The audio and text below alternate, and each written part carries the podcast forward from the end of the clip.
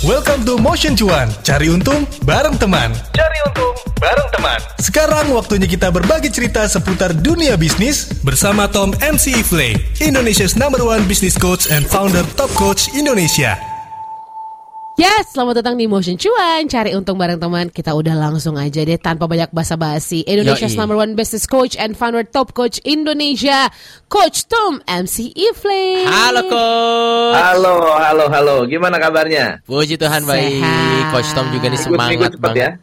Wah, sangat berjalan begitu cepat teman motion ya Coach Have Tom fun juga. banget minggu ini ya. Oh, oh. Depan ya. Oke, coach, ini menarik banget ketika tadi kita dapat topik bahasan untuk hari ini ngebahas soal dedolarisasi gitu ya. Hmm, kita lihat banyak banget berita-berita, Benar. ya kan, banyak banget juga beberapa negara yang udah nggak mau lagi pakai dolar banyak-banyak untuk Iya. transaksi mereka. Sepertinya mungkin apakah Indonesia akan mengikuti atau belum sanggup mengikuti karena dolar masih menjadi Pionirnya cadangan ya. devisa yang luar Benar-benar. biasa. Ah. Masih bertumpu banget. Tapi ini sebelum kita ngomong lebih lanjut, dedolarisasi ini maksudnya apa sih coach? Karena mungkin teman motion lagi dengerin juga, weh apa nih kata baru yang nggak pernah disebut sama orang-orang gitu. Boleh dijelasin Benar, nggak coach benar. Tom? Jadi ini sudah berjalan sekitar setahun dua tahun ini mengenai wacana dedolarisasi. Ini adalah salah satu proses di mana satu negara atau uh, mata uang perdagangan Hmm. tidak lagi bergantung pada mata uang dolar Oke. sebagai transaksi ekspor impor, transaksi ekonomi. Nah, ini menjadi uh, penting untuk diketahui teman-teman karena sudah mulai ada wacana mata uang mata uang mata uang baru. Oke. Mata uang mata uang baru yang uh, sedang bergerak nih, yang sedang berjalan yaitu BRICS. Ya. Oh iya BRICS dengar. adalah uh, akan ada mata uang yang dikeluarkan oleh China. Brazil, uh, Rusia, India, Ya. Cina dan South Africa. Mm-mm. Dan bahkan uh, Cina juga sudah berusaha untuk berdagang dengan misalnya dengan negara lain tanpa menggunakan mata uang uh, US dollar. Ya. Contoh lain euro kan juga uh, mata uang yang dikumpulkan oleh 20 negara lalu kemudian menjadi uh, alat transaksi di ber- di negara tersebut tanpa menggunakan US dollar. Nah, ini adalah salah satu perubahan atau pergerakan yang menarik karena ada sebuah kekuatan yaitu kekuatan US dollar yang dulunya di backup oleh emas tahun 1944 ada satu perjanjian dulu terkenal tuh per- perjanjian Bretton Woods yang kemudian membuat US dollar menjadi uh, standar uh, transaksi mata uang dunia Oke. gitu. Makanya eh sampai hari ini dolar tuh kuat banget. Walaupun ada terjadi apa pun di Amerika, US dollar tetap kuat. Hmm. Nah, karena kekuatan itu, akhirnya eh, negara-negara ini mulai apa ya, mulai eh, merasakan eh, fluktuasi yang eh, tinggi, jadi ketidakpastian yang tinggi. Kenapa? Karena waktu dulu sempat di backup emas, tapi 1971 US dollar lagi US dollar itu tidak lagi di backup oleh emas. Artinya eh, ceritanya ada peristiwa namanya Nixon Shock. Jadi Nixon Shock ini Richard Nixon tahun 1971 mengganti sistem keuangan yang dulunya pakai sistem Bretton Woods di mana nilai mata uang di backup oleh emas, artinya kalau mau cetak uang harus ada emas. Iya. Ya, nilai nilai jumlah yang beredar senilai Emas, emas ya. yang ada di cadangan uh, Amerika. Hmm. Jadi 15 Agustus tahun 71 Presiden Nixon bilang kita tidak lagi menukarkan dolar dengan emas uh, sehingga nilai dolar ini menjadi sangat naik turun, fluktuasinya luar biasa. Jadi kalau satu negara datang mem- uh, berinvestasi atau beli barang dari Amerika, dia harus beli dolar kan? Hmm. Beli dolar. Kalau kalau beli dolar mata uangnya jadi anjlok gitu. Iya dong. Benar. Mata uang jadi anjlok, anjlok atau uh, uh, turun karena ya dia harus membeli dolar. Cadangannya dolar tadi sudah disampaikan. Nah, sekarang keadaan ini di dunia sejak Covid, kemudian banyak sekali terjadi uh, perang dagang Amerika. Uh, rasanya negara-negara ini merasa, aduh kita kok jadi satu tidak ada backup emas, kemudian sudah terlanjur tergantung, terus gimana solusinya? Solusinya uh, tidak bisa dengan uh, menjual atau menggunakan mata uang sendiri untuk dipakai di negara lain karena nggak laku. Iya. Akhirnya mereka harus menciptakan yang namanya dedolarisasi, mencari alternatif mata uang atau alternatif uh, transaksi tanpa menggunakan US dollar. Oh. Begitu. Oke. Wow, perjalanannya panjang ya itu ya. Panjang banget. Coach, kita lanjut Mm-mm. ngomongin soal keuntungan kerugian apalagi Iya. melihat UMKM di Indonesia tuh penopang ekonomi negara kita. Kaitannya gimana, Nah, Coach? Nah, jadi banyak sekali yang uh, melihat dedolarisasi ini hanya dari kacamata, oh ya kita tidak lagi menggunakan US dollar. Uh, lalu apa hubungannya dengan U- UMKM? Hubungannya dengan UMKM adalah berarti kemungkinan kita untuk melakukan ekspor, menerima ekspor atau melakukan transaksi dengan negara lain itu Ya. semakin terbuka Oke. semakin terbuka lebar. Dan banyak orang yang berpikir bahwa oh ya kita ini semua serba impor. Ya, kita semua serba, serba impor. Tetapi jangan salah loh. Kita juga punya nilai-nilai ekspor yang sangat-sangat banyak. Mm-mm. Kita itu uh, uh, ekspor susu, mentega, telur, ekspor loh. Bukan impor loh. Kita ini ekspor susu, mentega, telur ke luar negeri. Wow, keren. Minyak itu kita ekspor juga ya kan dua 2,7 miliar dolar loh. Wow. minyak lemak hewani. Eh, gula. Gula itu empat 41 juta Hmm, dolar. Kalau kakao tahu ya. Tahu. eh, eh, kokoa kokoa. Eh, coklat coklat ya. Iya. kemudian olahan tepung dan seterusnya. Itu luar biasa. Nah, pertanyaan saya adalah berapa banyak dari UKM kita yang sudah mengerti, sudah memikirkan, sudah melakukan eh, riset bagaimana cara kita juga bisa berdagang dengan orang-orang di luar negeri. Karena ketika kita sudah tahu oh eh, nilai mata uangnya menjadi semakin stabil, Ya. potensi kita diterima di pasar luar negeri, di pasar ekspor menjadi lebih luas. Ya. Ada orang ya, ya saya mungkin nggak boleh sebut nama namanya ya, Ya. uh, me- melakukan kurasi. Dia melakukan kurasi uh, dekat-dekatin UKM, cari produk-produk yang bagus, lalu kemudian dia ekspor ke luar negeri di rebranding dengan nama beliau Oke. di rebranding. Nah, padahal sebetulnya dia nggak punya produk, dia nggak tahu cara bikin produk, tapi dia Oh. bisa melihat potensi di luar negeri. Dan ini adalah hal yang akan sangat eh, besar potensinya untuk pengembangan bisnis UMKM. Nggak Oh. UK u- nggak nggak hanya UKM, tapi mikro pun bisa begitu. Oh, oke. Jadi Oh. keuntungannya mantap juga ya sebenarnya Iya. ya. Tapi di antara keuntungan pasti ada kerugiannya. Kerugiannya apa, coach? Oke, kerugian ter- pertama pasti adalah eh, ketika saya membina salah satu UKM di Sumatera Barat. Jadi eh, Sumatera Barat itu terkenal dengan eh, rajutan, kemudian tenun, ikat, ya, kemudian eh, tenun-tenunnya bagus ya, tenunnya bagus, tradisional. Diterimanya itu di Brunei, Malaysia, Singapura.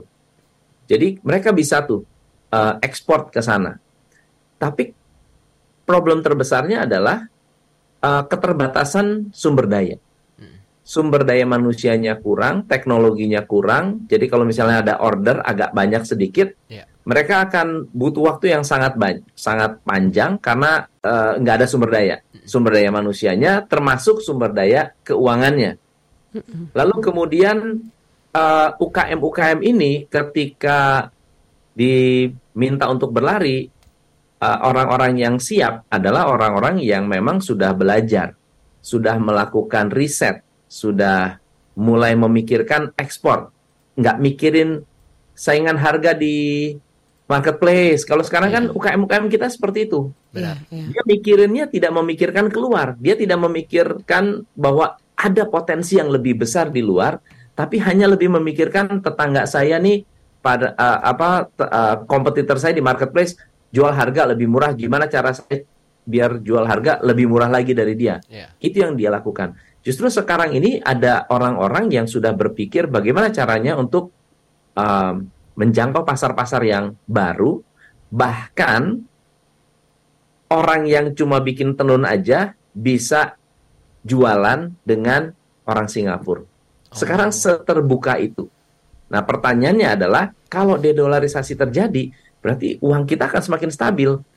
Uang kita akan semakin stabil, uh, bertransaksi, let's say dengan negara lain uh, lebih mudah karena kalau dulu transaksinya antar uh, kota, sekarang bisa antar negara karena uh, mata uangnya sama.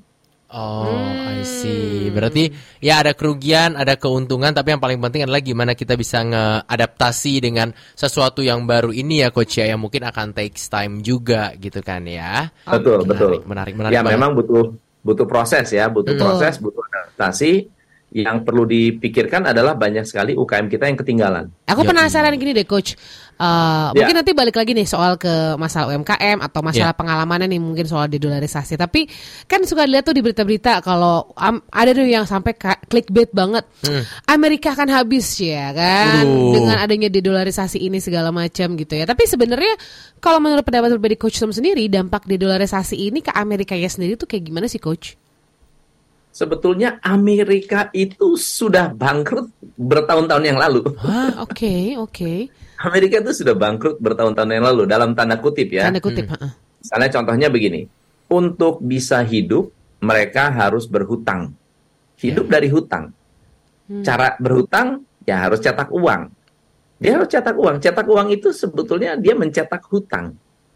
Dan dengan fractional uh, reserve uh, uh, setting ya, jadi fractional banking system, uh, hutang itu nggak pernah ber- nggak bisa berhenti, nggak bisa nggak mungkin bisa di, Lunasi. dihentikan gitu. Nah sekarang menjadi uh, pertanyaannya adalah apakah dolar akan mati? Ya mungkin, tetapi nggak dalam waktu dekat.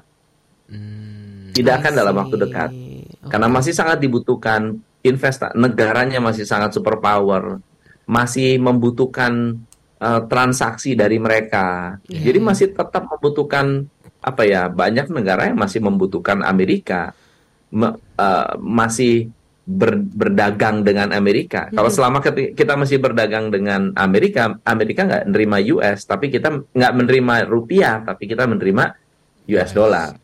Iya, iya, iya. Banyak negara-negara yang diberi pinjaman, pinjaman uang, ya pinjaman uang US dollar, Iya, iya. ya otomatis mengembalikannya harus US dollar dan itu berbunga. Jadi eh, apakah akan menghancurkan Amerika atau menghancurkan US dollar sejauh ini? Tidak, tetapi akan memperkuat rupiah. Hmm, Oke. Justru karena memperkuat rupiah, karena memperkuat stabilitas rupiah kita, kita harus sudah mulai berpikir, sudah mulai berpikir secara lebih maju ke depan, kita mau melakukan apa? Kan pilihannya gini ya, kalau kita berbicara di era konsep, kita berpikirnya uh, mau bermain di teknologi Mm-mm. atau mau bermain di keuangan atau di ekspor. Teknologi itu berarti kita menggunakan teknologi untuk berbisnis.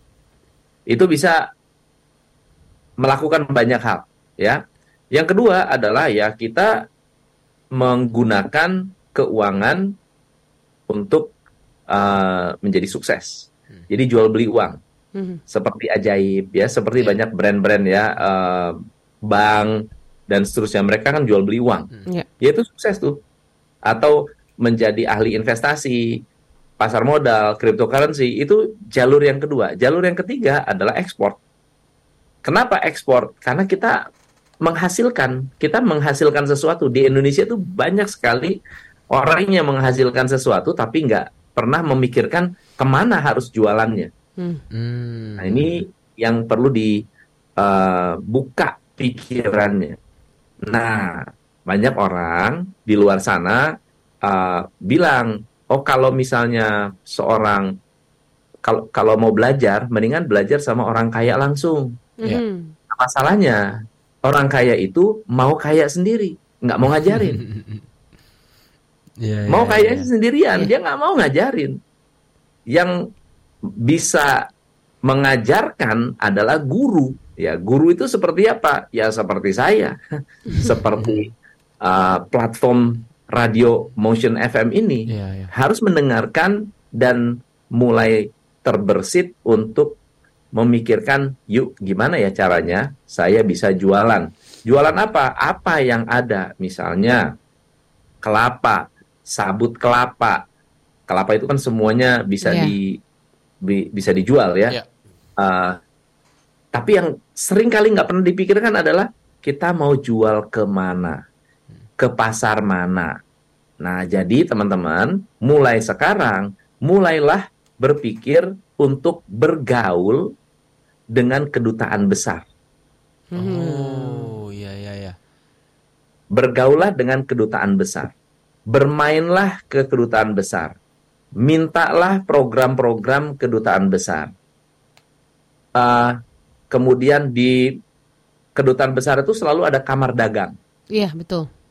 Nah, kamar dagang ini uh, mencari produk Hmm. yang bisa dibeli sama seperti kita ke mana-mana ya nyari barang yang bisa kita kayak eh, jalur sutra ya Iya. di nah, bawa barang ke pasar lalu kemudian dijual. Nah sekarang dia juga harus cari tahu em, kita mereka bisa sourcing di mana. Nah kalau kita tahu kebutuhannya apa, kita bisa carikan produk atau barangnya. Produknya, oke. Bergaulah dengan atase-atase perdagangan atau kamar-kamar dagang. Eh, bergaul ikut pameran. Ya ada satu kasus pedagang kopi yang udah eh, bingung karena margin kopi itu kecil sekali, Hmm. apalagi kalau dijual di pasar. Jadi apa yang dia lakukan adalah gimana caranya saya bisa menjual green bean eh, ke luar negeri, Oke. ya. Tapi yang harganya masih bagus. Hmm. Kalau jual ke Amerika, Eropa, wah itu sudah sudah harganya rusak. Nah, jualnya ke mana? Yang masih aman. Kayaknya jual ke Timur Tengah, tapi nggak punya market. Gimana caranya? Datanglah ke kedutaan. Datang ke kedutaan, ngobrol sama kedutaan, minta rekomendasi orang-orang yang ada di kamar dagang yang mencari eksportir Hmm. kopi. Dipertemukanlah dengan mereka. Lalu kemudian ngobrol, kamu punya apa, punya berapa banyak, bisa sekontinu apa, bisa kasih contoh dulu nggak, dan seterusnya. Akhirnya bisa berdagang ke Timur Tengah yang awalnya bergantung dari Pasar eh, ya istilahnya petani ya. Mhm. petani nggak bisa supply terlalu banyak karena kita juga nggak bisa jualan terlalu banyak. Tapi Hmm. sekarang jualannya menja- bisa menjadi banyak, petani pun bisa eh, apa ya eh, jualan ya ngumpul dengan harga yang lebih bagus karena kita ekspor begitu. Oh. Jadi emang kalau dilihat tuh emang kita harus visioner banget Iya, nih iya. teman motion karena sebenarnya ini adalah momentum yang tepat tadi berawal dari kisahnya yang si penjual kopi tadi gitu ya. Hmm, Jadi main-main ke kedutaan dan lain-lain ya balik lagi nih ini ke depannya bagus untuk lo, bagus untuk Indonesia juga. Tapi gitu harus kan. kira mau berkembang gitu ya. Nah ini mungkin nyambung juga ada nggak sih pesan dari Coach Tom mungkin untuk teman motion yang juga Ya. mungkin pelaku UMKM atau eh, apa pun itu tentang dedolarisasi ini apakah harus ditakuti atau harus menjadi momentum? Nah boleh dia tahu Coach Tom nih. Oke. Eh, kita sekarang berada di era perubahan. Yang Ya. harus ditekankan ada di situ. Bahwa kita sedang berada di era perubahan. Kemampuan kita, kita kita membutuhkan tiga kemampuan dasar. Nomor satu harus lebih cermat, harus lebih adaptif, dan harus lebih cepat. Jadi harus cermat, adaptif, dan cepat.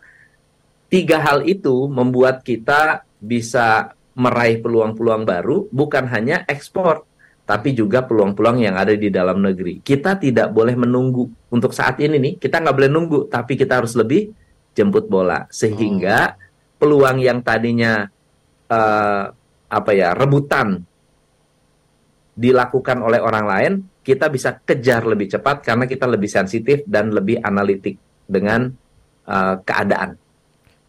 Oke, Itu eh. dia, dicatat tuh ya teman motion ya. Berarti saatnya memang kemampuan kita dikembangkan banget di Yes. eh di boost banget ya untuk Benar. menghadapi masa-masa seperti sekarang ini. upskill terus Upskill pokoknya karena balik terus. lagi mungkin ini adalah momentum yang tepat juga nih sebenarnya teman motion peluangnya banyak gitu Oke, setiap ngobrol sama Coach Tom ya, Yes. itu langsung eh, kalau kita tadi kelihatan seperti eh, ngangguk-ngangguk ya, itu kan lagi berusaha mencerna Coach Tom ya. Benar. It's something new for us juga, tapi Iya. lama-lama nggak sering ngobrol sama Coach Tom, kita semakin pintar. Benar, kita makin pintar nih seperti tadi Coach Tom bilang kan makanya ya Coach Tom seorang guru yang ngajarin atau enggak kayak kita nih kayak motion misalnya yang Iya. jadi wadah buat lo teman motion sedap, Sedap, sedap. ya. Oke, selalu seru ngobrol bareng Thank Coach Tom. Minggu depan kita akan bahas lagi hal yang lebih seru yang setiap minggunya lagi in juga gitu ya, Det ya. Yes, lagi happening banget. Coach Tom, thank you so much. Thank you so Sekali much. lagi kita ketemu berarti next next week ya, seperti biasa Next ya. week ya. Bye-bye, Yo, Coach Oke, Tom. Thank you Coach Tom. Dadah. Itu dia Motion Cuan, cari untung bareng teman di minggu ini. Bersama Tom MC Ifle, Indonesia's number one business coach and founder Top Coach Indonesia. Tungguin obrolan seru lainnya di Motion Cuan, cari untung bareng teman. Sampai ketemu di episode minggu depan.